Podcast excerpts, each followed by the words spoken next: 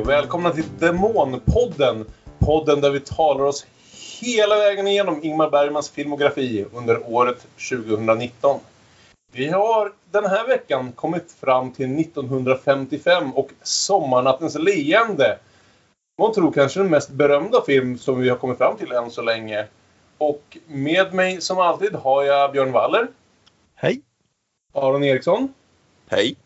Och tillbaka från förra veckan, min kära lilla syster Ellen Färm. Hallå!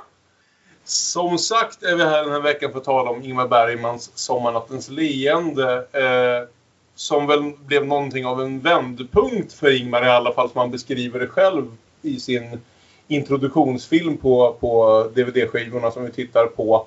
Den som togs till Cannes och gjorde succé där egentligen utan att Ingmar själv var särskilt medveten om det. Eh, och som tillät honom att göra de filmerna som vi kommer prata om de nästkommande veckorna.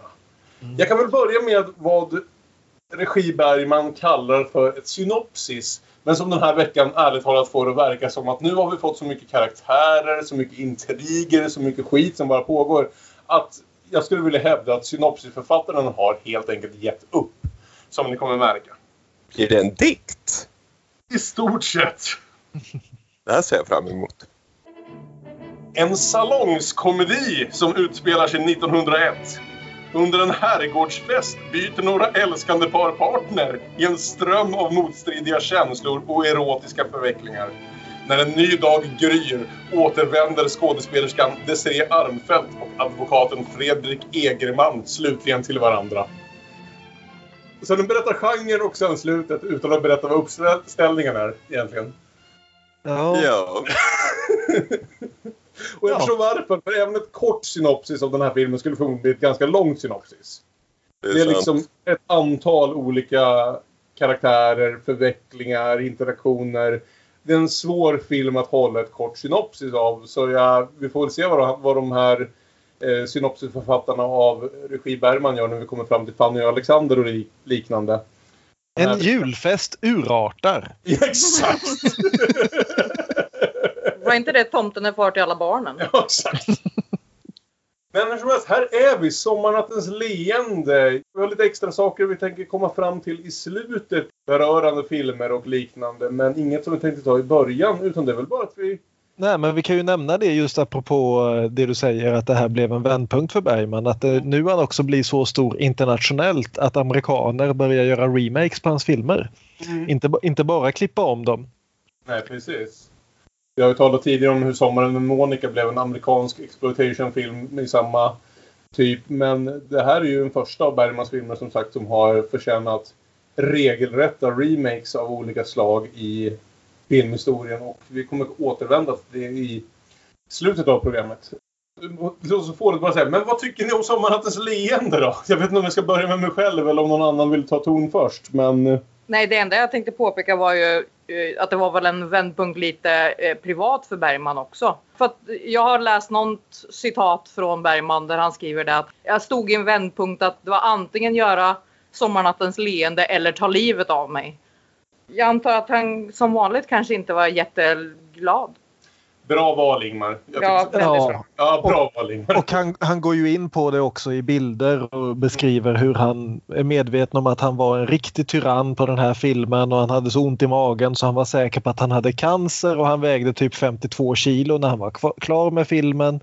Och det var en fruktansvärd upplevelse att spela in den och sen så blev det en jättebra film ändå. Men då kanske han inte skulle ta med både sin dåvarande, visserligen inte länge, fru och älskarinna i samma film. Det hade väl... Ja. Var inte gift med Harriet. Nej, förlåt, inte fru. Eh, ja, partner. Ah, han, ah, båda hans älskarinnor samtidigt som han hade en annan fru. Ska vi säga. Ah. ja. Och, re och regisserade hela bunten i ett gäng sexscener. Ja. Mm toppen. Toppen för mentala, men också toppen på oss som tittare skulle i alla fall jag vilja påstå. Mm. Här veckan så ställde Aron frågan till mig om jag skulle beskriva Gycklarnas afton som Ingmars första mästerverk. Och jag liksom tvekade lite grann, skrädde lite på orden och jag tyckte väldigt, väldigt mycket om Gycklarnas afton. Men jag tog ändå inte de orden i min mun. Den här veckan har jag en jävla tvekan om det. Sommarnattens leende är Ingmar Bergmans första regelrätta jävla mästerverk älskar den här filmen.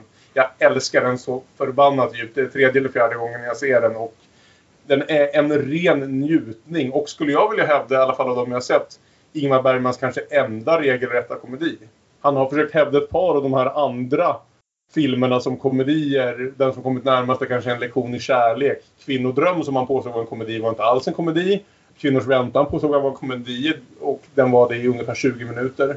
Det här är ju en skrattfest, bokstavligt talat. Det här är hisscenen i Kvinnors väntan utdragen till 1.50 och det funkar hela vägen. Liksom. Jag skulle väl hävda att nästa veckas film är en komedi också, men det är jag ganska ensam om.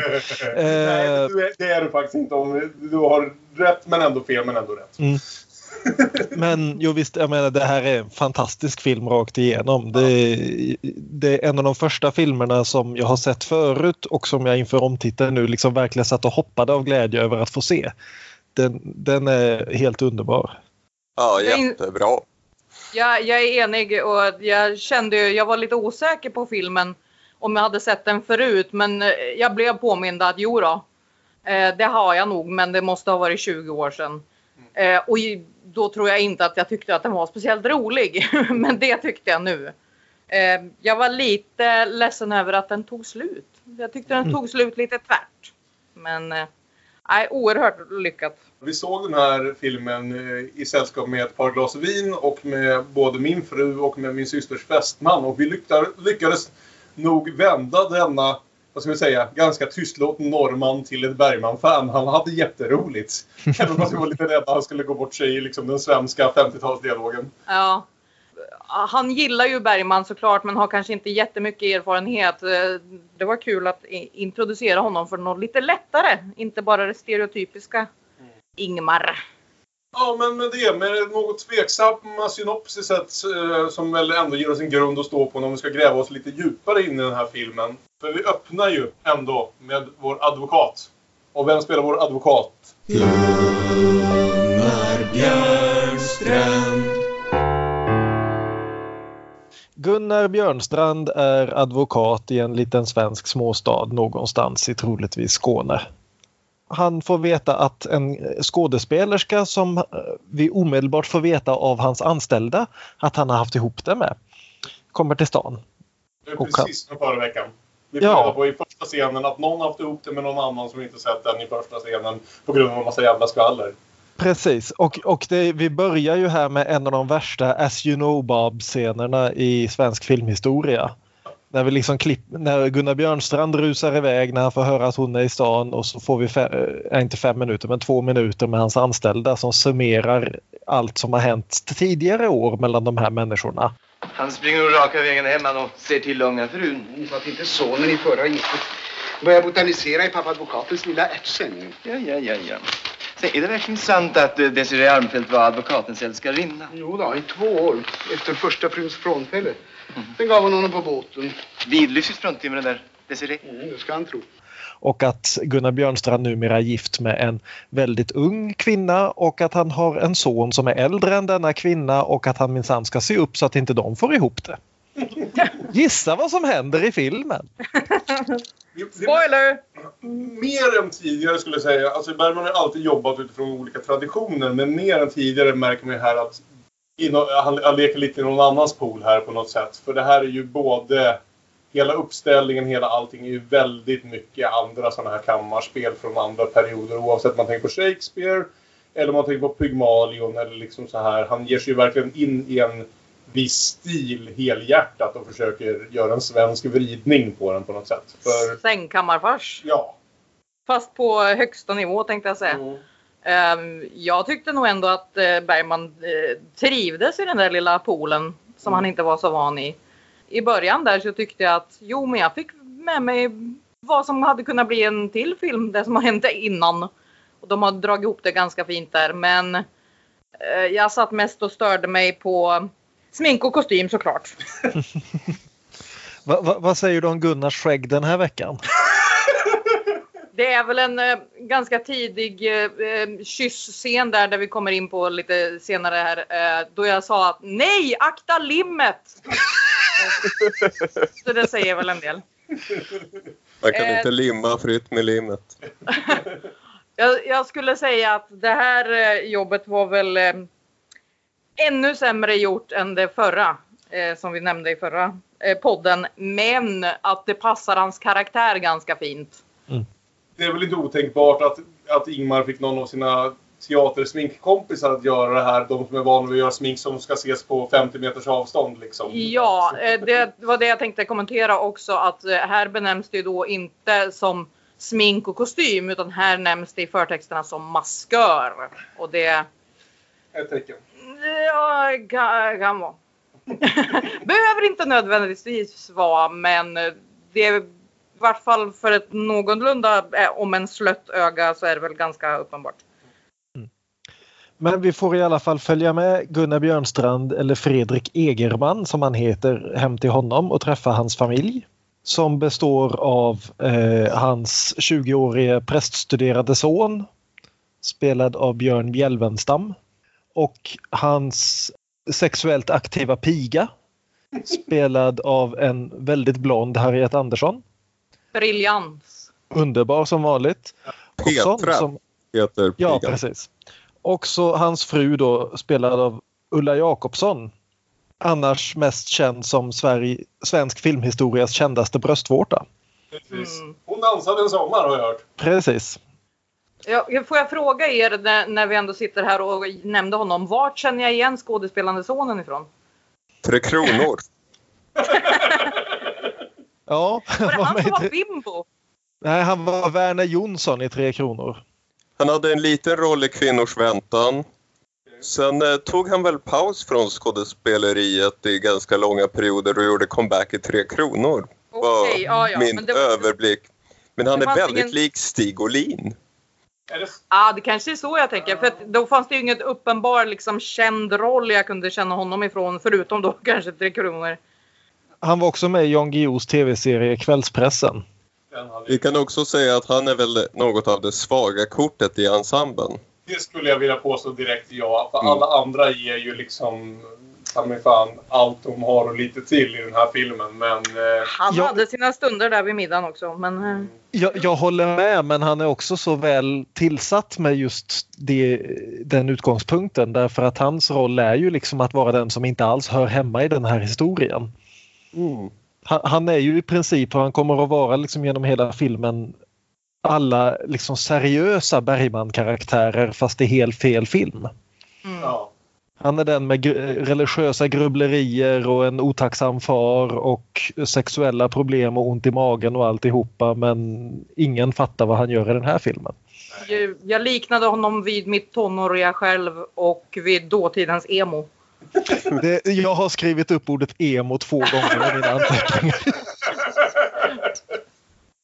Bergman själv nämner att han ville ha Per Oscarsson i rollen. Mm.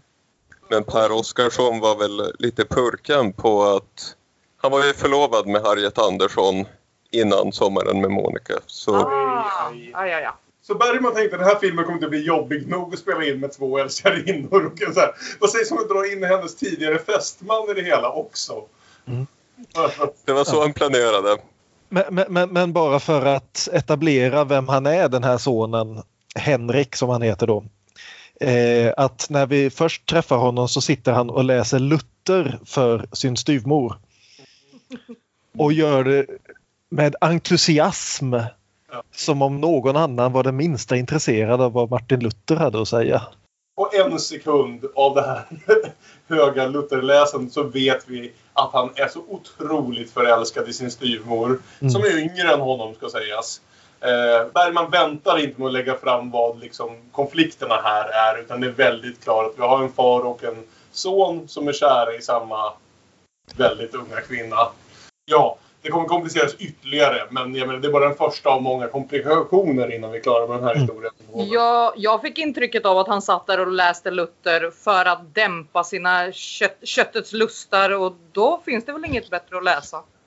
Egentligen. Nej, men det, det, är ju den här repliken som han återkommer till flera gånger från Luther att du kan inte hindra eh, frestelsens fåglar från att flyga över ditt huvud men du kan hindra dem från att bygga bo i ditt hår. ah, Nej, helt ärligt så jag, jag vet ju att de använder den där men jag, förs- jag hängde väl inte med att det kom därifrån så jag förstod inte alls den metaforen när den nämns senare i filmen också. Mm. Tyckte det var väldigt underligt och tänkte att jag hade missat någonting. Ja. Zonade du ut under Lutherläsandet? De ska, de ska gå på teater ikväll som sagt. De ska se Desiree Armfelt. Så innan dess tycker Fredrik då, Gunnar Björnstrand, att de ska gå och lägga sig och vila en liten stund så de är pigga inför pjäsen. Och under den här liksom, eftermiddagstuppluren så händer ju något ytterst pinsamt som också känns som en av genrens typiska scener men sällan så välspelad som här. Att halvsovandes börjar han tafsa lite på sin unga hustru. Och sen såklart börjar stöna fram fel namn. Desiree, Mm. jag har saknat dig. Desiree. Ja, och medan de gör det här ska väl sägas så eh, blir eh, sonen också sexuellt frustrerad över att pigan går och viftar på stjärten framför honom. Låt bli att gå sådär. Vad menar unga hen? Det jag säger, låt bli att gå på det där sättet. Hur då? Petra svänger ju med stjärten. Ja, så gör jag. Titta, det gör jag. Så lustigt. Och när han bestämmer sig för att det är en invit så får han en örfil och det är inte den, första örfi- det är inte den sista örfilen i filmen heller. Lite behind the scenes här, det som bara lyssnar på det. Men eh, det är vanligtvis jag och Aron som delar upp redigeringsansvaret. Aron tar ungefär 60% av avsnitten, jag tar 40% av dem. Det kommer bli ett helvete att välja bra repliker att lägga in i den här filmen, för det är ju hela filmen. Mm. Ja, jag tänkte det. Hur fan ska vi sköta snacket här? Man vill ju bara klippa in all dialog. Det Eh. är fullt av one-liners. Briljant. Men för att komma vidare i alla fall så går de ju på teatern.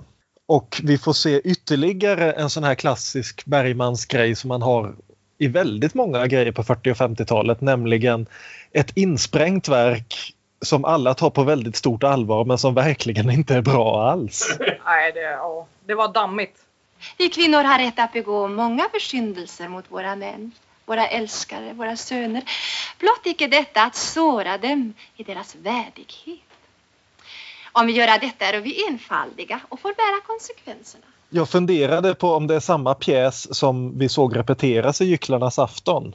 Ja, för det är återigen bara en parodi va? Han har inte lånat... Han jävlas inte med någon annan genom att klippa in någon annan pjäs att säga. Jag tror inte det utan det måste vara en Bergman-skriven parodi det här.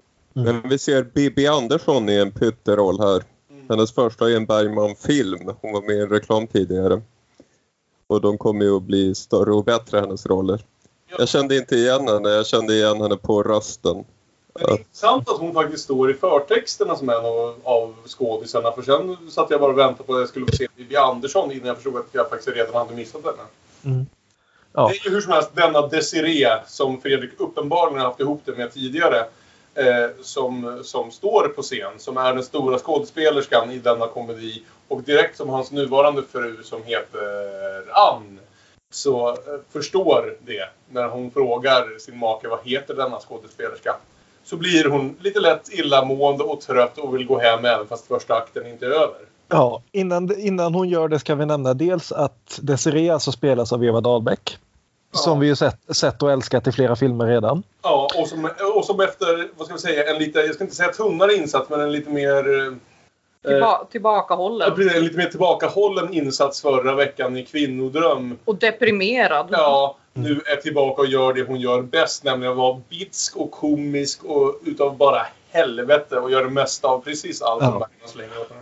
Men hon Jag tyckte passar... även den här teatermonologen hon har om, om mannens värdighet. Inte var det så dåligt.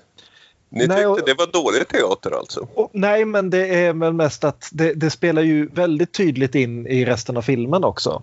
Hon har en replik här om att kärleken är ett oavlåtligt spel med tre bollar. Hjärta, ord och sköte. Och hur lätt tappar man inte någon av dem? Mm. Och ja, där har vi ju handlingen för hela filmen. Tyckte även att det var skickligt gjort för det, det är inte lätt att vara skådespelare i en film som spelar skådespelare på en scen och inte göra det över dramatiskt på något sätt. Mm. Utan det här kändes som lite stelt och tråkigt på en riktig scen.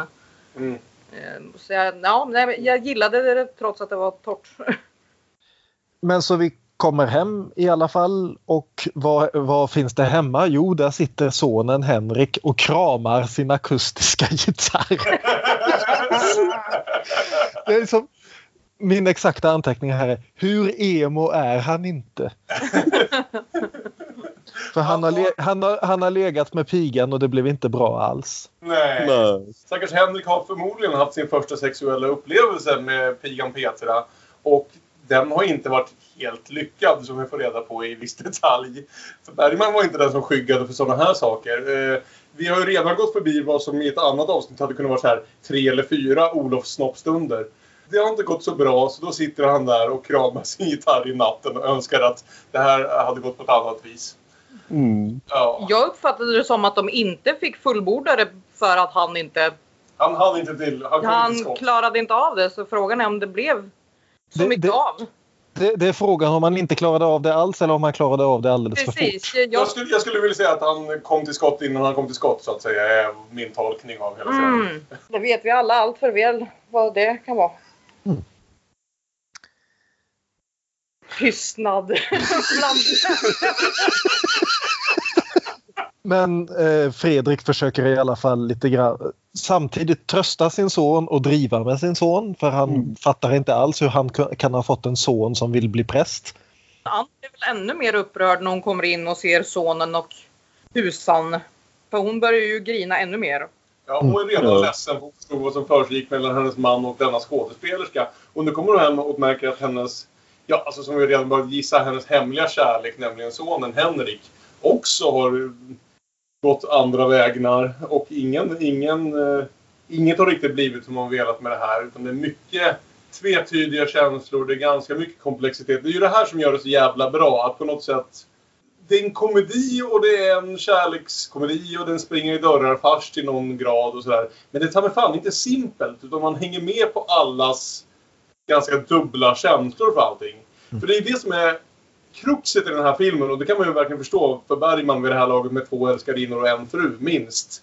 Är ju att ingen av de här personerna med två kvinnor, eller ingen av männen med två kvinnor och ingen av kvinnorna med två män älskar bara den ena och bedrar den andra. Utan allihopa, alla älskar alla så att säga. Alla har äkta känslor, dubbeltydiga förhållanden till alla de här. Det är ingen som liksom gör det lätt för sig och säger jag vill vara med den här och inte den här. Utan Ja. inget görs någonsin så simpelt. Men kvällen är inte slut än i alla fall. inte på långa vägar. Oj. För först så ska Fredrik och Ann tala ut lite grann.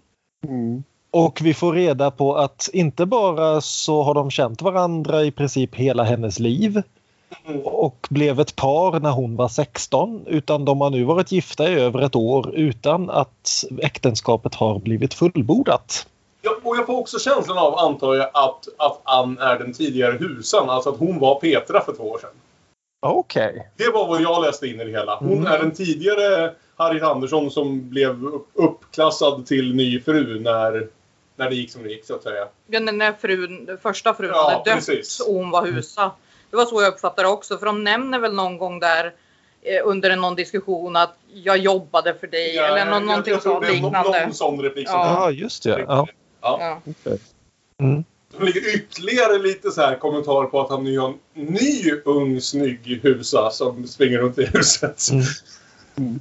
Det var där jag tänkte att det först skulle sluta lite. Att jag tänkte att aha, han tar dem på löpande band. Först Mm. anställer han dem och sen så. Mm. Mm. Men att han kanske nu var relativt nöjd med sitt val och han nu hade anställt en ny husa åt sin son. Ja.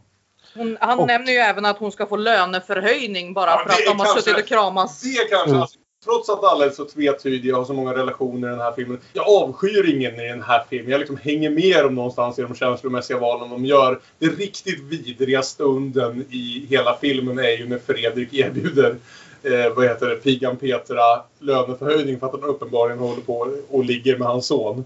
Mm. Det, är, det, är som, det är det som sitter värst av allt för mig. Han menade ju väl, men det kanske inte blev så lyckat.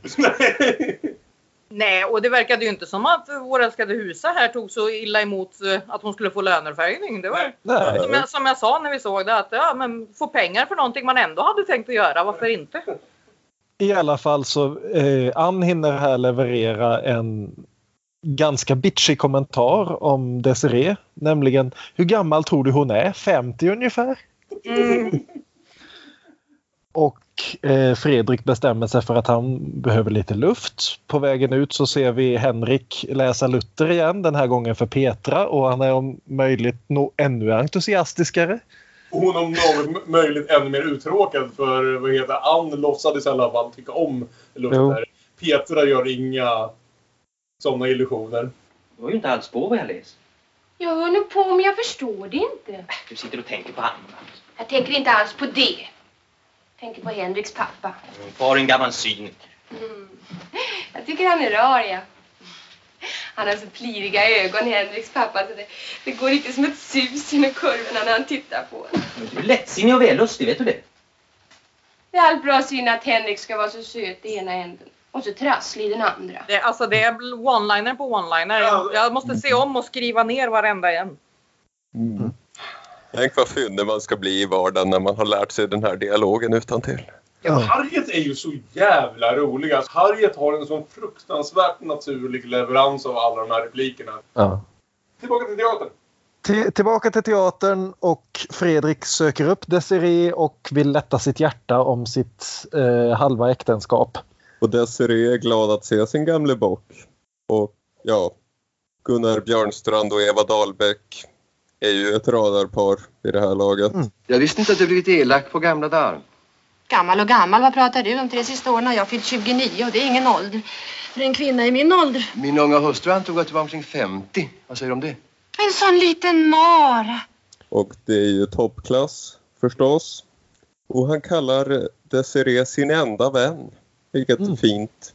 Jag tycker det är en jättefin scen. Ja. Det är liksom en sån viktig någonstans distinktion som dras där mellan att vara älskande och att vara vänner. Och att det är väl det som någonstans säger oss direkt vart den här filmen kommer sluta. Va? Att mm. Desiree är den enda som inte bara älskar honom utan även faktiskt förstår honom på det planet där han är. Mm. Där han kan vara ja, sig själv. Där han kan vara sig själv. Där han, han är uppenbarligen inte med sig själv med sin hustru och inte heller med sin son. Utan hos Desiree så har han ett annat förhållande. Allmänheten briljant scen tycker jag och vilket skådespeleri från, från alla parter. Mm. Eh, även den här lilla Eh, jag tänkte säga sängkammardamen, men påklädare damen till eh, Desiree här är ju också ja. fantastisk. Jag spelade av Gullnatorp. En av eh, flera sådana här gamla bitchiga tantroller som Bergman har. Och ofta i samband med teatrar. Man undrar om det är någon specifik person de är baserad på. Men... de, de spelar gentemot varandra här bra stund bakom scenerna. Hon behöver bada efter showen. Han får en liten pik på nakenheten där bakom som han väl inte har sett på ett tag. Och eh, typisk sån här Bergmans relationsscen som vi diskuterat lite förut där de går mellan att skoja med varandra, bråka med varandra, flörta med varandra, liksom eh, försöka hetsa upp varandra. Utan att något av det riktigt kommer till skott så här. Ja. Tills, tills de hur som helst... De bjuder in på ett glas vin. Ja, och vi får vad som är Bergmans första nästan musikalscen. Jag antar att den ska vara verklig i filmen också men heter det, Anna, min fru, satt ju med oss och frågade direkt, är det en musikal också? Det har jag glömt bort. Mm. Så de går längs med gatorna här och Eva Dahlbeck börjar sjunga. Bort med sorg och bitterhet, oro och bekymmer. Denna plats blott lustbarhet, lek och kärlek rymmer. Ja, det var väldigt spännande. Ja. ja. Jag antar att hon kanske sjöng i verkligheten. Och musiken hördes mest bara i Gunnar Björnstrands huvud. Ja.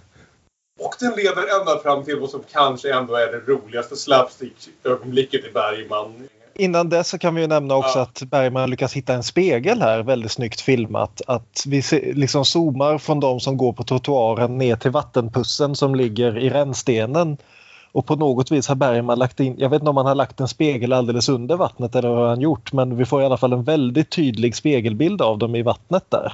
Och det är återigen Bergmans fascination med speglar som vi aldrig kommer att sluta se egentligen. Men ja, jag tycker bara det är kul att Ja, är det någon som vet vart det här är filmat? För jag blir alltid intresserad när ni ska vara så här i tidigare miljöer. Vart det är han faktiskt är någonstans. Är allting på Skansen höll jag på att säga. För att jag vet jag är det någon gång men... Ystad eller Trelleborg. Okej. Okay. Mm. Mm. Och hur som helst, sen säger vad heter det, Desiree mot Steve med akta dig för vattenpussen. Akta den här Fredrik, det är en stor vattenpuss. Var, var på Fredrik nästan drunknar. Sån jävla faceplant. Jag, gar, jag garvade så högt. Jag tror jag spolade tillbaka tre gånger. Det var fan bland det roligaste jag sett på hela året. För mig är det det bästa ögonblicket av fysisk komedi i Bergman. I alla fall än så länge. Vi får se vad som uppdagar sig, men kanske någonsin då. Ja. Resultatet av detta blir ju då att när han väl kommer in till henne så kan han ju inte ha kläderna på sig utan han måste klä på sig någon annans kläder. Oh, det där gamla trixet. Och då visar det sig att hon har ju herrkläder framlagda i form av en nattskjorta, en nattrock och en nattmössa. Som tillhör greven och ryttmästaren Karl Magnus Malcolm.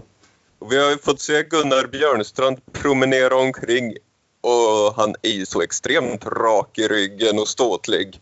Så nu står han där med sin nattmössa och ser ju jätterolig ut. Och, och, och säger bedrövat Hur kan en kvinna någonsin älska en man? Kan du svara mig på det? Kvinnans synvinkel är sällan den estetiska. Och i värsta fall kan man ju släcka ljuset. Med den, med den klassiska Seinfeld Pirate Shirt. Fast Mm. en något längn, längre variant. Och någonstans här så springer också en liten pojk in i rummet och ska bli nattad.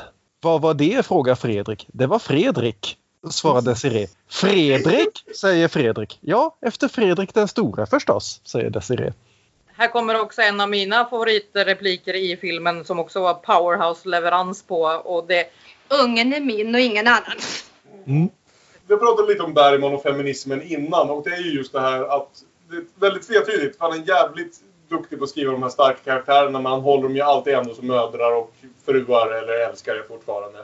Mödrar, älskare eller fruar men i de rollerna har de ta med fan sina egna sinnen och sina egna... i, ja, vi ska väl tillägga här att det, det alltså ifrågasätts vem som är far till denna lilla pojke som springer omkring. Eh, och eftersom han delar Fredriks namn så börjar väl Fredrik tvivla här att det kan, han Ja. kanske hade ett finger i spelet. Och vi kanske får anta också att eh, de senast hade ihop det för sådär en 6-7 år sedan. Yes. Men här tycker jag ändå att hon har fantastiska repliker i allmänhet. Hon eh, kunde inte bry sig mindre om han ville vara pappa eller inte. Eller om det var han som var pappa eller inte. För det var, det var hennes barn. Mm. Och jag tycker det var förfriskande. Ja, det... Ja. Så efter att de har diskuterat det här i några minuter får vi veta att det är någon vid dörren. Ring klocka, ring. Och just när man har konstaterat att Eva Dahlbeck och Gunnar Björnstrand är roligast i hela världen så kommer Jarl Kulle och är dubbelt så rolig. Ja, alltså jag älskar det här. Det här är en av mina favoritscener i filmhistorien. Alldeles innan han kommer in här. Vem är det? Jag fruktar att det är Malcolm. Du menar dragonen? Jag ska be Ma- Malla gå och öppna. Jag förbjuder dig att öppna. Är du rädd? Desiree, en gentleman möter inte en rival berövad sina byxor. Malla, gå och öppna. Jag vill bara förbereda dig på att Malcolm är mycket svartsjuk. Är han eh, beväpnad? Han kan nog ta koll på dig utan vapen om han är på det humöret. Kunde man kanske gömma sig? Vi är inte på teater nu, Fredrik lilla. Men en fars är det ju lika förbannat. Just när han säger en fars är det ju lika förbannat så hör vi fanfarer och Jarl Kulle tågar in i full militäruniform. Det är ju här det blir så fascinerande att förstå att den här filmen alltså ska ha gjorts under extrem press och att alla var arga på varandra. Och så här. Det är helt otroligt att förstå. För det känns som en sån ren njutning. Det känns som en film där, om jag skulle gissa, alla hade haft kul precis hela tiden. Det är liksom den känslan som kommer igenom. Uppenbarligen inte sant, vilket ju säger något om liksom, filmens verklighet gentemot dess myt. Liksom. För Jarl Kulle kommer in Sveriges Marlon Brando iklädd en liten klisterlappsmustasch. Ja. Och just apropå det du säger här Kalle om att alla var förbannade på varandra. Jag eh, vet inte om han använder det här men man får nästan det intrycket när vi har den här repliken att han tittar överhuvudtaget inte på Gunnar Björnstrand. Han låtsas inte om att han är i rummet och så frågar han då Desiree har du, no- har du något emot att jag tar på mig min nattrock? Har du något emot att jag tar av mig uniformen och sätter på mig min nattrock? Den är tråkigt nog redan upptagen. Jag ser det, men jag tänkte den skulle bli ledig om några ögon. Alltså det första jag tänkte var ju att ja, men han var ju ganska chill med det här. Han tänker ju att såklart att men det är klart vi delar kvinna. Jag tänkte att det var först så men sen blir det väl relativt uppenbart att nej du, Nu, nu. det här går vi inte med på. När han snabbt för på tal att han är en väldigt skicklig duellant. Är min herre road av dueller? Det är möjligt. Jag har aldrig försökt. Jag har duellerat 18 gånger. Pistol, värja, florett, spjut, pilbåge, gift, jaktgevär. Jag skrev någon upp listan på de typer av dueller som, som eh, greve Malcolm har vunnit. Det vi reagerade var ju på att han hade duellerat med gift. Eller hur? Eh, Hur fan går det till? Jag Ja, men, ja, men- eh, Ja, det är bleka döden. ja, precis. Det är bleka dödens minut. Ja, ja, ja, of course. Och han, tolerer, han tolererar inte mopsar, knähundar, katter eller så, gamla vän, så kallade gamla vänner. Och han pratar som Harry Schein. Jag undrar Ja. om det var medvetet. Och dess, dessutom älskar jag att så fort han har hämtat sig lite grann så ger ju Fredrik tillbaka med samma mynt dessutom. Han, han frågar då den här stridspitten, blir det krig? Va, haha, varför skulle det bli krig? Nej, just det. Ja, jag vet inte hur vi ska ta det här. Det känns som att antingen stannar vi vid den här scenen i så här en halvtimme till eller så bara går vi vidare. För det, Ja, precis. Det, det är för bra. Det- Det är alltså, för det mycket ska som sägas händer. att allt det här är liksom, det bara skiner en sån jävla glädje av att varenda replik är liksom så genomtänkt. Det- Jag tänker mycket på både på Shakespeare och på George Bernard Shaw och på eh, Ja men eh, vad heter det, Jane Austen till och med. Men bara som att Bergman bestämt sig för att nu ska han fan eh, beat them at their own game. Och bara liksom Mm. gått in och ska skriva den överklassigaste relationskomedin någonsin och visa Ja. dem vart fan skåpet ska stå. Jo. Så för att göra en lång historia kort så blir eh, Fredrik utkastad i bara nattskjortan. Han får inte ens tid att ta på sig sina våta kläder för det, det är sent och ni har mycket bråttom.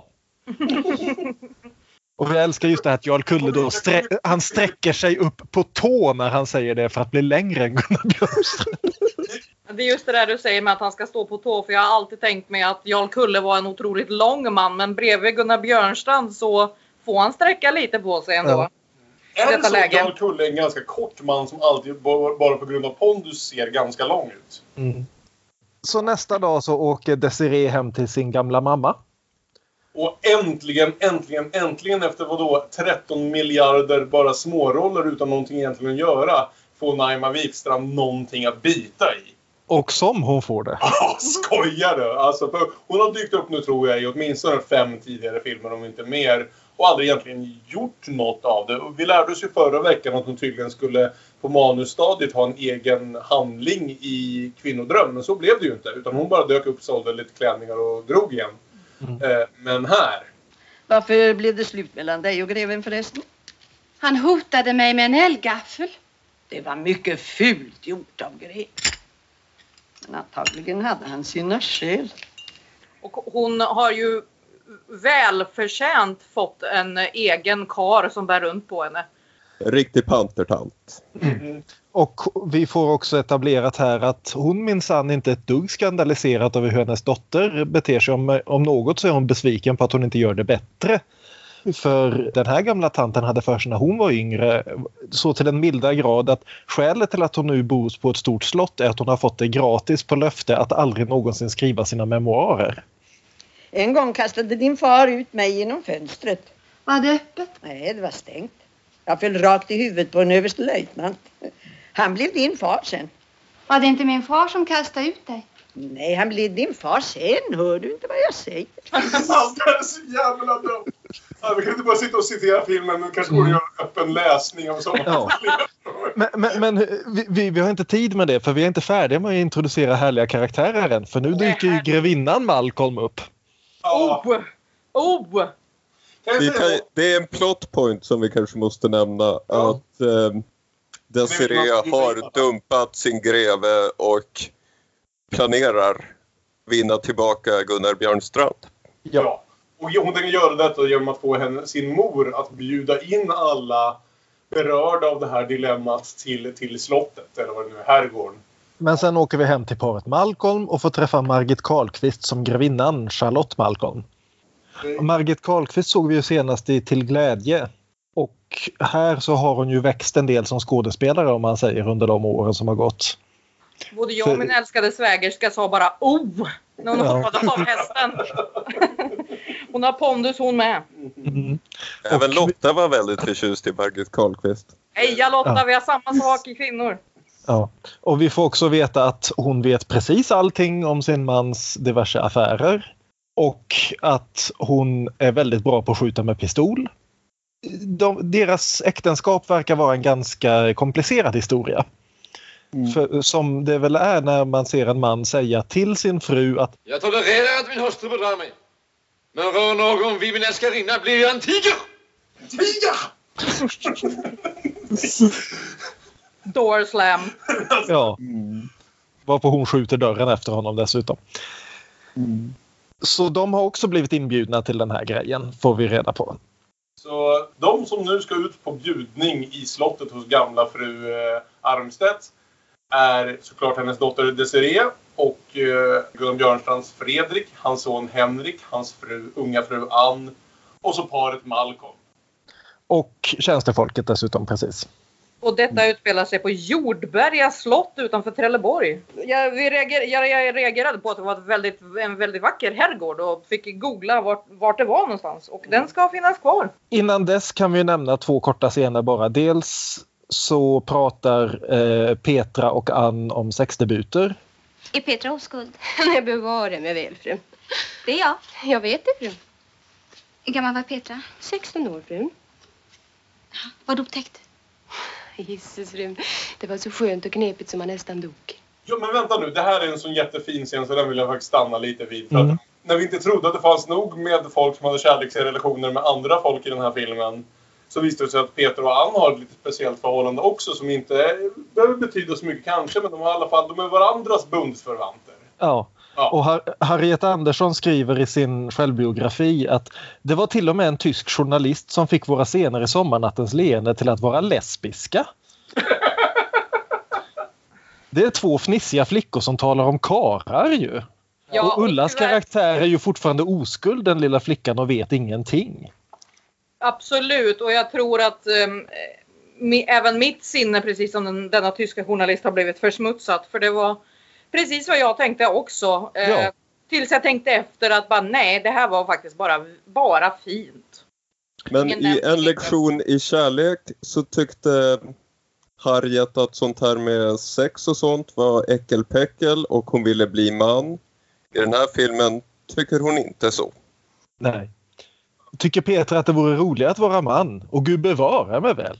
Jag gillar verkligen Petras beskrivning bara av sex här överhuvudtaget. Så skönt och knepigt. Det känns så skö- skönt och knepigt och det är så liksom oupphöjt och det är liksom på, på, på en så vardagligt plan så jag blir alldeles glad av det. Det känns ja, men fan modernt fortfarande. Faktiskt, Ja. faktiskt. Eh, Inge, ingen skamlig syn på sex här inte, utan bara fråga hur det är och att det är väldigt eh, trevligt och ja, Mm. sådär. Och sen blir det pirrigt med nästa. Och, ing, och inget av det här är någonting som någonsin fördöms. Jag är så jävla Nej. glad. Det här känns fortfarande modernt och det är lite läskigt på sitt sätt. Sex positive. Ja. Ja. Sen så har vi en kort scen till innan vi åker iväg till herrgården. Det är att det Ann springer runt och försöker flörta med alla män i hushållet. Och sen dyker Charlotte upp som det visar sig de känner varandra. Alltså grevinnan Malcolm och unga Ann. Och eh, Charlotte vill tala om att jag är minsann ingen skvallerbytta men är du medveten om att din man blev utkastad från min mans älskarinnas hus i bara nattskjortan häromkvällen? Men du har inte hört det för mig för jag är ingen skvallerbytta. Ja. ja, men det är en viktig bit att inse att de är ungefär samma ålder. De är lite lika varandra. Mm. När man ser dem bredvid varandra och så här och ungefär av samma ålder. En Eh. mer eh, oskuldsfull än den andra dock. För jag tänkte Ja. precis kommentera på älskade grevinnans eh, kostym här. Det är oerhört vacker kostym i, överhuvudtaget i denna film. Men detta var lite väl vågat för att vara sekelskifte. Eh, genomskinlig spets ner till barmen. Det tror jag inte kom först på 80-talet. Var det på 50-talet? Okej då. Ja. Men hur som helst så åker vi till slut ut till herrgården. Det är mycket vackra barn ni har, advokat Egerman. Särskilt den där unga flickan. Den unga flickan är min hustru, fru Arnfeldt. Jag har för mig att ni för ett mycket ansträngande liv, advokat Egerman. Tidigare i filmen har ju verkligen Fredrik gått in, mött sin son och sin fru och kallat dem båda för barn. not, not a good look. Och jag tycker att det eh, enda trista, minst kärleksfulla förhållandet här är väl mellan Gunnar och hans son. Mm. Eh, för där blev jag nästan lite ledsen över att det fanns nästan ingen form av kärlek eller uppskattning från något håll. Jag skulle vilja säga att, det, att vi kommer fram till det och att det ändå Mm. Jo, jo. får- en slutledning. Men jo, vid det här laget så. Vi, det, vi har, de har ju haft en del diskussioner i olika scener och jag, det, har gjort, det är det enda som har än så länge fått mig lite ledsen i, i denna underbara komedi. Och det Men- kanske finns en anledning till att han är så pass emo som han är, denna son. Men nu kommer vi ändå fram till att en annan Bergman-favorit återvänder och jag, vi har inte skapat någon signatur så jag får väl bara improvisera Åke Fridell! För Åke Fridell återvänder till våra Bergman-filmer. Eh, som, som, vad heter det? Hästkar. Hästkar på, precis på herrgården. Han är väl allt i allo i princip. Ja, Ja. Mm. och, precis. Och han tar då på sig att visa runt Petra på herrgården. Mhm. Och även fast han är dubbelt så gammal som henne gissar jag. Ungefär så fattar naturligtvis direkt tycke för vem skulle inte för Harriet Andersson. Han spelade ju hennes bara- pappa i Sommaren med Monica. Men det är Ja, bara precis. 12 år emellan dem. Precis vad jag tänkte säga. Det är bara 10-12 år emellan dem. Det är emellan kanske dem. var det. Ja. Okej. Ja. Men jag förstår vad du menar. Det ser ut att vara en 30 års åldersskillnad Ja. eventuellt. Men de har ju otroligt roligt ihop. Och vi får framförallt då demonstrerat en viss arkitektonisk eh, feature här som vi inte alls kommer att få liksom, dyka upp igen. Tjechovs sängkammare här. Det visar sig att i huvudsängkammaren finns det en knapp man kan trycka på varpå väggen höjer upp sig. En av sängarna från rummet bredvid rullas in och en liten ängel sätter en trumpet mot munnen och blåser en fanfar. Kungaknappen. B- Bara ifall någon trodde att den här filmen var för subtil än så länge. Och här inne ska Henrik sova och i rummet bredvid ska Ann sova. Ja. Hur ska det gå? Det är ju därför Harriet frågar om vart uh, unge herrn ska sova då. För jag antar att hon vill göra ett till försök här med, med sonen då. Så att säga. In, innan hon inser att eh, ja, drängen Frid förmodligen är betydligt roligare än unge herr Egerman som ju ändå verkar vara en väldigt allvarlig. Hon hängde lite med Fredrik Egerman i brist på bättre. Men ja. stalldrängen Frid verkar ju ändå vara en betydligt skojigare människa att ha. Ja. Ja, det tycker jag med. Och vilken mustasch! Ja, men var inte Henriks lilla tangorabatt också tjusig? Så bara för att göra teamet komplett nu så anlände ju greven med fru i bil naturligtvis. Jajamän. När vägen tillät störtade vi fram med en hastighet av nära 30 kilometer i timmen. Och hur den här bilen suckar när den har stannats.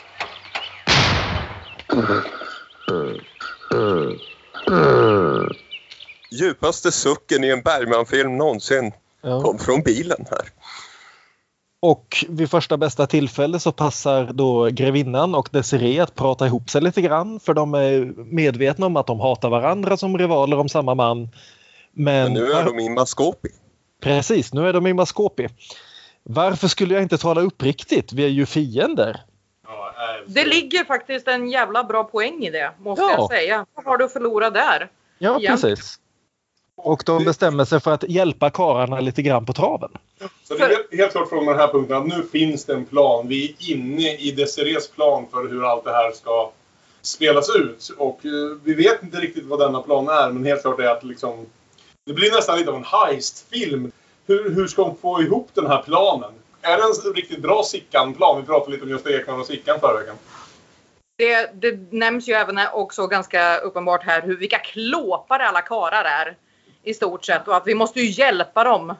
De, de klarar ju inte det här själva så vi får väl ta tag i hela situationen. Precis. Så först spelas det lite krocket. Det vill jag bara nämna för att det är så sällan det spelas krocket bra i film. Det är i princip här och i Heathers. Ja. Och här spelas det väldigt bra krocket. Och också, om Olof var här, den allra mest övertydliga Olof Snoppstund av många Olof Snoppstunder i den här filmen. Och sen så ska det ätas middag och det kommer Och till drickas magiskt vin. Precis. För det kommer till diskussionen om att eftersom alla nu vet vart alla står här och alla vet att alla vet så bestämmer man sig för att tala öppet om saken. Vilket också jag tycker är skönt. Det är inte det här liksom att alla liksom håller stiff upper lip och låtsas inte veta det de vet utan nu vet alla precis att alla vet vad alla vet att alla vet.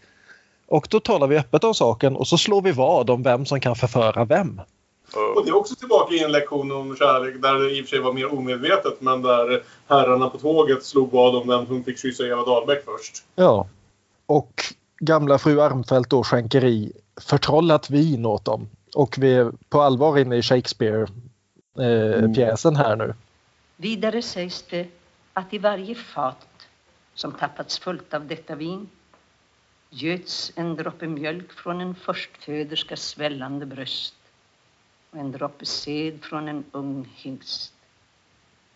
Denna sav ger åt vinet en hemlig äggande kraft och var och en som dricker därav dricker det på egen risk, på eget ansvar. Här någonstans får ju filmen en extra dimension tycker jag. För det här Bergman verkligen börjar leka med det här sommarljuset och med nattkänslan och med alltihopa det här att nu är vi inne i en dröm på något vis. Nu är vi inne i den här evighetslånga midsommarnatten där precis vad som helst kan hända. Där man har den här ursäkten med det förtrollade vinet som de dricker typ en halv klunk var av och knappast kan bli speciellt påverkade på på riktigt. Utan nu är det liksom det här, nu skrivs vi fria från samhällets konvenanser, nu är vi inne i drömlogiken här. Det var väldigt fin eh, ljussättning på vår kära advokat som även genspelas i, i hans eh, härliga pålimmade skägg. Jag tyckte att han nästan fick en lite djävulsk uppsyn med sitt lilla djävulsskägg och eh, att man ibland bara ser ögonen och att han är i skuggan och så vidare. Och här när det här magiska vinet kommer in då tycker jag att alla får lite samma mystiska uppsyn på något sätt. Mm. Det är väldigt snyggt gjort. Jag tänkte att det kan ju inte bara vara Gunnar som är ond. Eh, Han liknades ju vid en varg tidigare av sin hustru han, det är någonting vargskt över Ja. honom. Precis. Och, och samtidigt återigen, den enda som inte riktigt fattar handlingen här, det är ju Henrik då. Som istället för att liksom glida in i den här eh, Shakespeare-sexkomedin slår sönder sitt vinglas. För han kommer på att vänta nu, det är en Bergman-film, jag ska hata min far. Just det ja! Han är den enda på LSD-festen som trodde han var där för att läsa poesi. Precis. Eh, och när då hans far försöker lugna ner honom och eh, Desiree säger åt honom, men kan du inte bara skratta åt alltihopa då? Så skriker han, det gör för ont för att vara komiskt. Återigen, hur emo kan han vara? Ja, men det, det återspeglas väl även eh, om bara några sekunder senare i filmen tänkte jag säga när han sitter vid sitt piano med massa ljusstakar och spelar Ja. Månskenssonaten. Och Jag, jag tänkte att herregud, det här kunde vara ett klipp från 14-åriga mig. Det jag tänkte där var att det är ju, en, det är ju alltså en musikvideo från 1983. Liksom gardinerna, pianot, de tända ljusen. Det, det är som någonting ur en... Turn around. Exakt! Men när han sitter där vid pianot så får han i alla fall idén att men om jag helt enkelt skulle ta livet av mig och gå bort med stilla värdighet. Det här är ju den kvintessentiella Bergman protagonisten men här spelad för all den liksom komedi som faktiskt finns i honom. Så hur som helst, unge Henrik bestämmer sig för att avsluta det alltsammans med en, vad heter det, vad heter det? mm, Snara. Med, med snöre ur en morgonrock och en väldigt dålig krok. Ja, det är ett badrocksskärp. Ja, Ja, jag badrocksskärp och en Ja. väldigt dålig krok. Och vi ser ju redan här vart detta bär hän. För när han försöker ta livet av sig så faller han rätt på den magiska kungaknappen. Kungaknappen. Och vem rullar in i hans sovrum om inte hans styvmor? Som han älskar. Mm. Och och hans omedelbara reaktion är att rusa bort till tvätthörnan och hälla en spann kallt vatten över sig för det... Såg du hur hon såg ut där? Det hade jag också gjort. Ja, men alltså om man är, går från en sekund tänka ta livet av sig till att nästa sekund bokstavligt talat när man försöker ta livet av sig så rullar allt man, man vill ha i livet rullar in genom en magisk lucka. Med änglar som spelar trumpet och himmelsäng och diverse annat. Det, det, det, det är ju coitus ex machina alltså. Nämner väl även något som att jag, jag måste nog ändå vara död. Ja. Nej, det är jättefint. Så Henrik och Ann vaknar, hon vaknar med honom över sig och de pratar i två minuter och bestämmer sig för att rymma ihop. Fler unga par som flyr och det verkar vara en bra idé tycker Ingmar vid det här laget. Under tiden leker Frid och Petra sommarlekar. Ganska oskyldiga sådana. Eller de har lekt dem nu. Nu sitter de och vilar under ett träd. Och det här är en av mina favoritsaker i filmen. Åke Fridells berättelse om de tre leendena. Ser du liten, nu ler sommarnatten. Tänk att Frid är poet också. Jo, sommarnatten har tre leenden. Och detta är det första. Mellan midnatt och gryning. Då alla unga älskanden öppnar sina hjärtan och sköten. Sedan där borta vid horisonten. Där sitter ett leende som är så mjukt att man måste vara mycket tyst och uppmärksam för att överhuvudtaget kunna se det. Och egentligen var det det enda jag mindes från när jag såg den första gången för åtta år sedan kollade jag upp. Jag, jag, håller med. De här leksamma, lättsamma scenerna eh, tycker jag är jättefina. Både under träd och på höskull och så vidare. Och det ger ju ett litet narrativ till allt annat som håller på och pågår i bakgrunden på något sätt. Nu är vi ju verkligen i Shakespeare-land här. Ja, det ramar in Ja. så fint. Ja. Vi, vi ska ju nämna lite kort också att Fredrik ser ju då sin unga hustru och sin son rymma ihop så han är ju inte helt och hållet glad här. Jag har en liten fråga om det. Hur mycket vet Fredrik innan den här punkten om vad det här... Är han alls medveten om det eller liksom går allt upp för honom här? Han ser det ju på middagen. Ja. Men innan dess har han nog mest grubblat men tänkt att det var i hans huvud. Ann frågar ju honom faktiskt vid ett tillfälle om hur han skulle reagera om hon började flörta med hans son. Bara hypotetiskt sådär. Mm. Och han visar sig inte alls vara helt nöjd med den idén, vilket man kan förstå.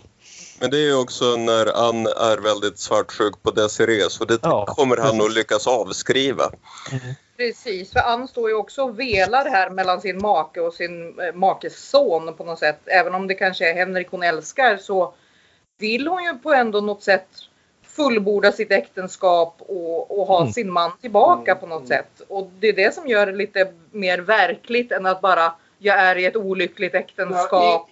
Det är det som är så spännande. vidare. Ingen är riktigt i ett olyckligt äktenskap. Till och med de som uppenbarligen är alltså paret Malcolm är ju... Där vill ju frun ha sin make tillbaka. Hon vill inte bli av med honom. Ja, men de, om det är några som, som var gjorda för varandra Ja, så är det ju de två. Så för att haka på det så har ju då Charlotte sett till att sätta sin plan i verket. Det vill säga hon ska låtsas förföra Fredrik. Och vi får den här härliga scenen där då Desiree rusar in i greve Malcolms sovrum. Och han säger “Men tänk om min hustru vaknar?” Han sitter där och läser och har inte märkt att din hustru ligger inte i sängen bredvid dig. Ja, precis. Eh, scenen innan så ser vi ju både vår kära advokat och eh, grevinnan eh, gå, gå in i ett lusthus tillsammans och släcka lyset. Och sen kommer vi till sängkammaren där han inte märker ens att hans fru är borta och inte ens har varit där. Nej. Jag tolererar att man kucklar med min älskarinna, men rör någon vid min hustru blir jag en tiger! Fruktansvärt bra levererat. Det är ingen som kan göra det. Möjligtvis Björn då, men eh, Jarl Kulle. Aj, aj, aj. Ja. Vilken roll. Och sen så, är vi ute i det här lusthuset och vi har diskuterat det här lusthuset lite tidigare för Björn drog paralle- parallellerna i Kvinnors väntan när vilken bror Lobelius det nu var satt där med en hagelbössa och skulle ta livet av sig. Eh, Är detta Ingmars inre? Detta lusthus? I detta lusthus kommer allt till sin kulmen. Ja, för eh, greve Malcolm stormar in och utmanar advokat Egerman på duell. Och konstaterar väldigt snabbt att den enda form av dödlig kamp där han inte skulle besegra honom med allt utom lillfingret bakbundet är rysk roulette. Så det är det enda sättet de kan kämpa hedervärt och på lika villkor. Man sluter ögonen och rullar magasinet. Riktar vapnet mot tinningen och trycker av. Var och en av oss upprepar proceduren två gånger. Det gör 12 mot 2. Men varsin konjak får de i vart, vart fall. Mm. En utmärkt konjak. Och så sätter de sig där och det som väl förklaras i reglerna den här duellen behöver inte nödvändigtvis sluta med någons död. Eller rättare sagt, det finns sex platser i kammaren. Ett är laddat. Eh, och de ska bara skjuta två gånger var. Som båda två lyckas skjuta två gånger var mot en egen tidning utan att ta livet av sig så, så är duellen oavgjord antar jag. Då antar jag att man skakar hand och går därifrån. Precis. Alltså, då, eller, eller jag vet inte vad dueller egentligen går ut för. Det är så förlegat. Reschedule eller vad då? Gör vi det här igen? Hur Nej, då, då, då, då skulle jag eh, utifrån mina kunskaper om dueller som i princip är två Bara, filmer. bara, bara tagna från bokbranschen. Nej, det, det är från du, Duellisterna och eh, vad heter den Kubrick-filmen? Um, Barry Lyndon. Barry Lyndon. Jag har även The Ten Duel Commandment såklart från Hamilton. Mm. Ja, så är det väl i princip att om, om ingen av dem dör så var det inte meningen att någon av dem skulle dö och då är saken avgjord. Men så vi håller då på tjejerna som står utanför och så hör vi ett pang inifrån lusthuset. Varpå Och jag... Kulle ramlar ut skrattandes och säger Jag laddade med sot böveln! Tror en adelsman riskerar sitt liv för en lagvrängare? Fantastiskt. Varpå då Desiree rusar in i lusthuset och eh, Charlotte först påminner eh, greve Malcolm om det var ju det där med vadet också. Och jag vann visst det vadet nu. Exakt hur hon gjorde det är lite oklart men ja. Han trodde ju ändå att, eh, att de hade ihop det och det var väl Ja. det. Badet gick ut på att hon skulle förföra advokaten här. Ja, Och precis. Han ser dem ju, de syns ju gå in i lusthuset ihop och, och släcka ljuset. Så jag tror Mm. att det är där det liksom... Det var tillräckligt. Ja. Ja. Och då är ju greven inte mer eh, inte mindre gentleman än så att han får ju medge att ja, du vann vadet och du får sätta eh, villkoren och hennes krav är då att du ska sluta vara otrogen mot mig och han säger ja okej jag lovar att sluta vara otrogen på mitt sätt. Det är ju alltså, det, det är ju oerhört. Det han säger är ju ganska otrevligt tänkte jag säga, men, men oschysst i, i vart fall i ett modernt förhållande. Men eh, det är också så kärleksfullt på något sätt för att de, Ja. de ler och skrattar och man ser ju faktiskt att de verkligen älskar varandra och har, är gjorda för varandra. Men just det där, jag är trogen mot dig på mitt sätt. Det är en one-liner som ingen annan får använda. Inte, inte så många kommer undan med den känningen. Bara Jarl Kulle och han har gått vidare så nu är det slut. Ja, och, och Gunnar Björnsson sitter där med sot i hela ansiktet när Desiree kommer in och liksom... Älskade, älskade Gunnar. Ja. Jo, han har ont. Han har ont. I både själ och stolthet. Det är kolossalt synd om honom. Det är det. Men, men allting slutar ju väldigt, väldigt fint. Alla är ihopparade. För alla. Det är också en rolig sak med liksom Bergman, den stora liksom deppiga dystopimakaren. Att alla går förmodligen ifrån den här helgen på, på slottet och har det bättre. Ja. Du Som missar Desiree förklarar så hans fall blev stort, men han landar mjukt. Och det är så fint. Hon sitter och Mm. tvättar av eh, krutet från hans ansikte och påminner att det är ju bara med mig du kan vara dig själv och, och så vidare. Och det är en så fin och öm scen. Eh, Ja. Och, vi, och vi får en så fin slutreplik där också. Kan du tala om för mig? Varför döpte du Lill-Fredrik till Fredrik? Är det inte ett bra namn? På en liten pojke. Och så tänder hon sin segercigarr. Mm. och vi återvänder för sista gången till Peter och Frid, tjänstefolket, Harriet, Harriet Andersson och Åke Fridell. Harriet Andersson har övertygad Åke Fridell om ett Du ska frieri. gifta dig med mig! Du ska gifta dig med mig! Du bröt benet på mig! Vi har haft många scener där det ändå blivit lite, vad ska vi säga, nu för tiden kulturellt obehagligt att se starka män som försöker liksom ta tag i sina kvinnor och så här. Här är ta mig fan Harriet Andersson som har brottat Tar på höskullen! Du ska gifta dig med mig! Ja, det är fantastiskt. Fruktansvärt bra. Och, Alltså, I allmänhet denna film med dessa briljanta kvinnor. Det är de som får ta huvudfokus. Det är de som har, eh, även om vi har eh, fantastiska eh, herrar som också har otroliga stunder, så är det ju powerhouse-kvinnorna här som får ta plats, får göra sina plots, får ha lite, lite manligare grej. De röker cigarr, de gör planer. De, ja, jag tyckte det var fräscht. Jag, jag gillar det. det är väl lite av en klyscha av vissa genrer också men onekligen här är ju männen bara liksom... Bihang. Ja, alltså pjäser i kvinnornas händer. Det är de som vet vart fan det här är på väg och ska få det dit det ska. Och Det också, kommer ju ett antal fina monologer om, om hur män är håriga över hela kroppen och allmänt Det var precis otrevliga. den, missar, den missar vi lite grann. Den monologen är väldigt, väldigt fin. Det är ju det mest, det är ju mest vad ska vi säga, icke-komiska ögonblicket i filmen skulle jag vilja säga. Stämningen ändras helt under Charlottes eh, monolog om, om, om de jävla männen. Män är otäcka. Högfärdiga och himmelska. Har hår över hela kroppen. Han ler mot mig. Han kysser mig. Han kommer till mig på natten. Han gör mig från vettet. Han smeker mig. Talar vänligt med mig. Ger mig blommor. Alltid gula rosor. Talar om sina hästar, om sina kvinnor, om sina dueller. Om sina soldater, om sina jakter. Talar, talar, talar. Och hur hon hatar sin man men jag älskar honom. Mm. Men, Men natten går mot sitt slut. Skönare liv än det här livet, det finns inte. Då log sommarnatten för tredje gången. Ja.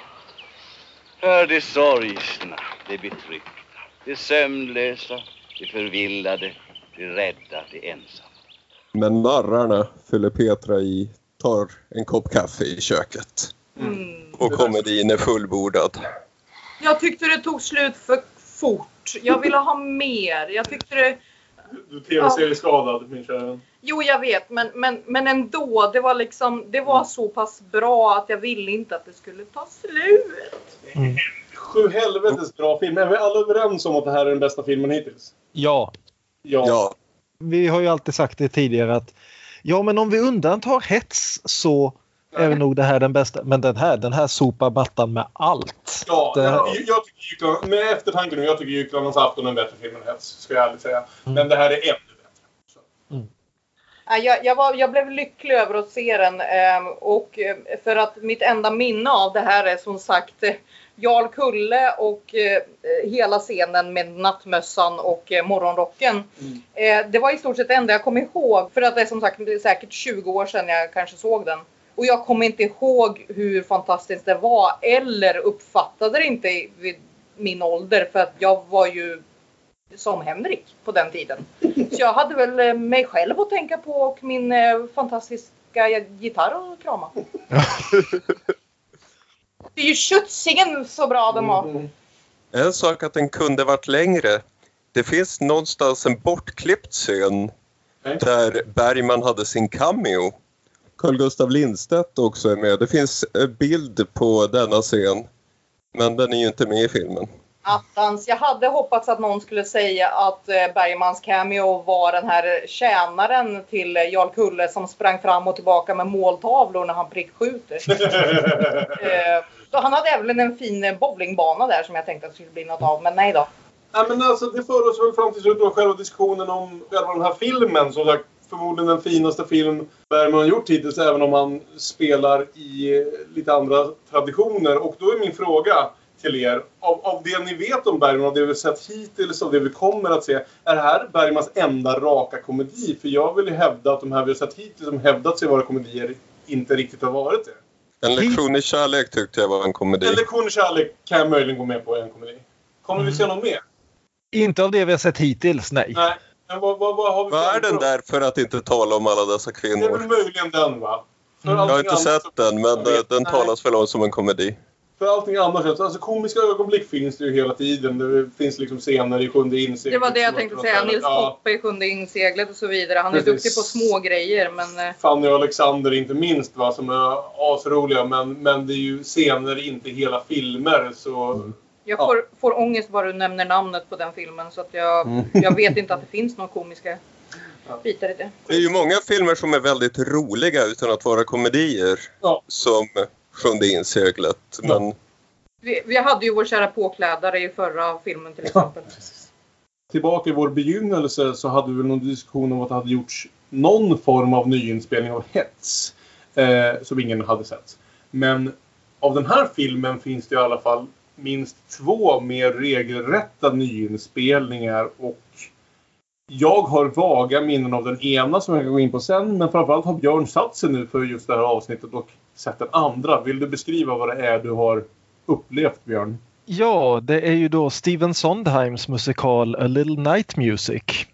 Som faktiskt filmatiserades någon gång på 70-talet men jag lyckades inte få tag på den och av recensionerna att döma så var det väl tur. Eh, men däremot så finns det ett antal uppsättningar att se på på Youtube. Så jag la på en från New York 1990 som då, ja, leta upp den och titta på den. Det är en professionell inspelning. Den är sänd på eh, amerikansk tv någon gång just då. A Little Night Music ska man väl säga är väl mest känd för en av låtarna, nämligen Send in the Clowns som då Desiree sjunger i andra akten. Det är en väldigt trogen anpassning av filmen. De, det är inte någon fråga om att flytta om den till en amerikansk eller flytta fram den i tiden eller någonting utan den utspelar sig i Sverige 1901 alla karaktärer heter likadant. Ä- Enda skillnaden är att Fredrik Junior har blivit Fredrika och har blivit några år äldre så att hon faktiskt kan reagera på handlingen också. Och inte bara vara en ren eh, staffage. Det är vissa småändringar i handlingen som att Fredrik är mycket mer ovillig i sitt celibat. Överväger diverse sätt att förföra Ann, om, eh, till och med med våld om så ska. Det är komedi. Jävla Sondheim. Ja. Och eh, även det här att Fredrik och Desiree faktiskt hoppar i säng och sen hittar på den här historien om att han ramlade i en pöl för att förklara varför han är klädd i nattskjorta nu. Ah. Sen så får också fru Armfelt en mycket större roll och får ett eget solonummer och får även den fina repliken Never marry or even dally with a Scandinavian. They're all insane. It's the latitude. Och sen att hon då också dör i slutet och att det skulle vara sommarnattens tredje leende, att hon nu kan dö lycklig när alla hennes skyddslingar har fått ihop det. Och jag vet inte riktigt vad jag tycker om det. Återigen, jävla Sondheim. Eh, jag vet inte, det, det är mycket mer en rak fars än vad... Eh, nu, nu är ju visserligen Sommarnattens leende en fars men den har också den här, som vi nämnde, liksom den här fina drömkänslan, den här lite vaga overklighetskänslan över sig och den skippar ju åtminstone den här uppsättningen av pjäsen fullständigt. Eh, delvis därför att de måste leverera ett sångnummer var femte minut men eh, det är mycket mer slänga i dörrar och ja, ja, jag är väl inte helt förtjust i den. Jag är inte fullt så negativ som Harriet Andersson var i sin självbiografi. Där hon då skriver att jag tyckte inte om den och min fina roll var fullkomligt oigenkännlig. Filmen är ju så i särklass tycker jag, den är fin som film betraktat. Att sen då plötsligt gå och göra musikal på den, varför Ingmar gick med på det förstår jag inte. Nej, jag har bara en sak att säga om A Little Night Music. Varför? Det, det, det vi kan nämna är slutrepliken att när då alla har fått ihop det, eller inte slutrepliken men alldeles innan då fru eh, Armfelt dör i slutet. När då Fredrik och Desiree disk diskuterar vad de ska hitta på härnäst, vilket ju är en scen vi inte får i filmen. Så säger Fredrik att men om vi skulle resa bort någonstans, något soligt, vad säger du om Malmö? Jag har hört att det är solbrännesäsong där nu. Och Desiree svarar Jo, men ja, det blir nog svårt för jag ska fortfarande spela åtta eh, föreställningar till här i Helsingborg. Så det, det här med avstånd, det, man tänker lite annorlunda på avstånd i USA än vad man gör i Skåne. Men ja, alltså Send in the Clowns är en fin låt och det var kul att se den i, när den kommer i kontext där så är den väldigt effektiv. Mm. För det är ju då en scen i slutet där som är skapad just för pjäsen där Desiree och Fredrik talar eh, i andra akten om att Desiree har bestämt sig för att nu jävlar, nu ska jag säga till honom exakt vad jag vill ha av honom. Jag vill liksom släppa allt det här spelet och bara säga du, jag blir gamla tillsammans nu. Och han, svar, han lyssnar inte på henne utan börjar prata om hur han ska liksom förbättra sitt förhållande till Ann istället.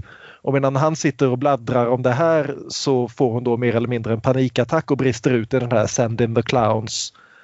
Med de här liksom korta fraserna som då låter som att hon chippar efter andan. Isn't it rich? Are we a pair? Bla bla bla bla bla. Väldigt bitter sång ur, den, ur det perspektivet. Uh, så ja, den... Eh, eh, eh. Det är kul att den finns för de som tycker om musikaler och det är en bra låt men eh. Björn, tycker inte du om musikaler rent generellt? Du är inte den mest musikal... Jag är inte den mest musikalvänliga Inte så musikalisk. Nej. Ja, och eh, förutom A Little Night Music så ska vi väl även kort nämna att... Eh, ja, hur ska jag komma in på det här då? Jag har debatterat lite med mig själv hur vi ska diskutera Woody Allen i den här podcasten med tanke på att eh, Woody Allen är ju ändå en filmskapare som har dragit mycket inspiration av Bergman och sen råkat i, ska vi säga, vissa svårigheter de kommande åren. Och eh, vad heter det? Jag tittade på den här SNL-sketchen som gjordes här om, för några månader sedan efter alla R. Kelly och Michael Jackson debacle om hur ska vi hantera det här att vi älskar konst som skapats av uppenbarligen hemska människor. Och förslaget som gavs där var något i stil med att man måste erkänna för sig själv om man vill kunna fortsätta njuta av konsten måste man kunna erkänna för sig själv vad skaparna har gjort. Och förslaget de gav där var Mark Wahlberg är en rasist som halvt slog ihjäl en vietnamesisk man och jag vill ha två biljetter till Transformers, tack. Men det är ju det både alltså, i allmänhet här eh, så tror jag att vi hade fått ett betydligt mindre kulturutbud om vi hade varit tvungna att radera alla horribla människor inom eh, konst och kultur och, och Mm. musik och film. Eh, självklart ska det inte förlåtas eller ursäktas men vi kan inte heller radera den tyngd som till exempel Woody Allen eller Michael Jackson har haft på musik och film. Nej. Men, vi, bör, Men- vi, kan inte, vi kan inte heller låta bli att ta in vad de nu har gjort i, i läsandet av den konsten. Precis. Så med det sagt vill jag säga så här. Jag tror på Woody Allens dotter när hon berättar om hur han förgrep sig på henne. Och nu tänker jag diskutera en midsommarnatts sexkomedi. Så jag tänker inte diskutera den särskilt eh, ingående för jag har ärligt talat inte sett filmjäveln på 15 år. Jag kommer ihåg den som en av de här mellanperiod av Allen för mig. En, eh, vi kan väl säga så här, det finns ett antal tillfällen i Woody Allens eh, filmografi, särskilt under 70 och 80-talet, där han så direkt refererar Bergman. Och jag skulle vilja säga att det här är en av de minst lyckade. Alltså, Love and Death gör ju en direkt Bergman-parodi som, till, som jag minns det är det bästa han gjorde som var en direkt parallell till Bergman. Interiors är så tydligt Woody vill vara den seriösa Bergman. Han har precis kommit hem från höstsonaten och satt sig eh, och skrivit en egen film liksom. En midsommarnatts sexkomedi är, om ni kan komma över att den är gjord av Woody Allen så är det en okej film som inte är i närheten av de höjder som Sommarnattens leende kommer till. Men den är kul för att den har en del fina skådespelarinsatser, inte bara av standard Woody-skådisar utan även av... Och vem är, gam, vem är gamgubben i som- Midsommarnatts? José Ferrer. gubben i fråga. Jag höll på att säga Don Amici och jag kände i samma sekund som jag höll på att säga att jag tänkte fel. Ja, för jag tänkte på José Ferrer, alltså Miguel Ferrers pappa och vad blir det, George Clooneys morbror. Han var gift med George, Rosemary Clooney i Ja. Ingifta. Morbror, farbror. Ja, precis. precis. Nej, hon, var väl ehm, moster.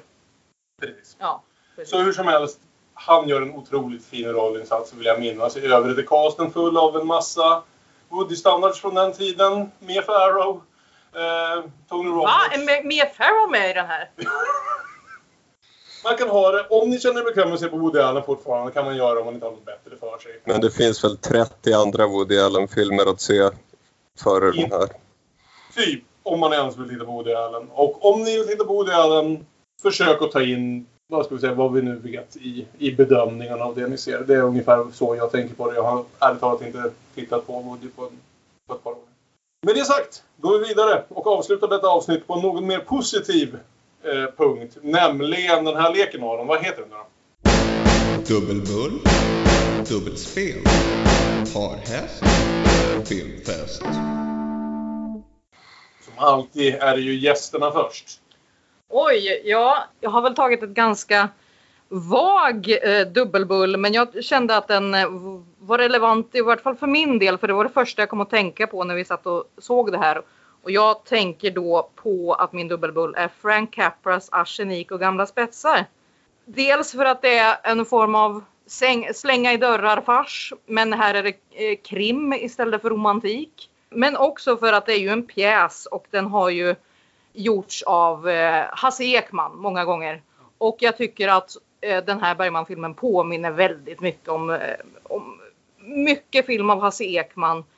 Plus att jag tycker att den, den lite mörka humorn i Arsenik och gamla spetsar påminner om samma humor vi har i Sommarnattens leende.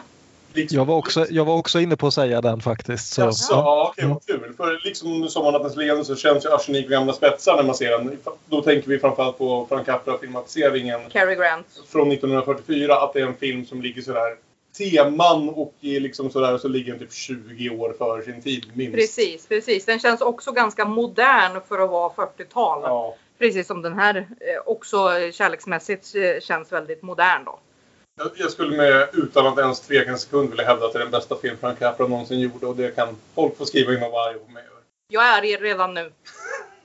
Ja, eh, men vi går väl vidare där då. Björn, har du tid att tänka nu med Ellen Snoddy? Nej, för jag hade faktiskt redan valt bort den till förmån för en lite nyare film. Jag var inne på det här med just, få se, sexkomedi, trolldrycker, könsroller. Eh, så min, eh, mitt dubbelspel är Anna Billers The Love Witch från 2016. Som är en smått underbar liten skräckkomedi om en kvinna som bestämmer sig för att hon har förmågan att förtrolla män och sen bestämmer sig för att försöka bevisa det. Den blir, ska vi säga, lite blodigare än vad den här... Det verkar som om både Ellen och jag är överens om att vad den här filmen hade behövt är fler mord. Absolut, alla filmer. Ja. Men det Jävla är... besvikelse att det bara var sot i den där pickadollen. Ja, precis. Jag trodde Men- när du bara beskrev filmen så trodde jag att du skulle säga Troll 2 och jag drog inte riktigt tråden emellan dem. Ja, det hade också varit en, eh, en variant. Men The Love Witch är en, det är en sån här riktig, vad ska man säga, den är väldigt retrofokuserad på så vis. Den är gjord i Technicolor på 35 mm men med en betydligt modernare storyline och eh, mer genomtänkt men också väldigt, väldigt rolig och väldigt, väldigt snygg och den ska ses. Om inte annat så för att hon har haft lite svårt att få ytterligare en film gjord så se till att se den filmen. Låter som eh, något jag ska se. Aron! Ja, jag har valt Short Bus av John Cameron Mitchell. Eller James Cameron Mitchell som jag gillar att kalla honom. Aron! Vad ska hända när vi har tagit slut på dina tre regissörer?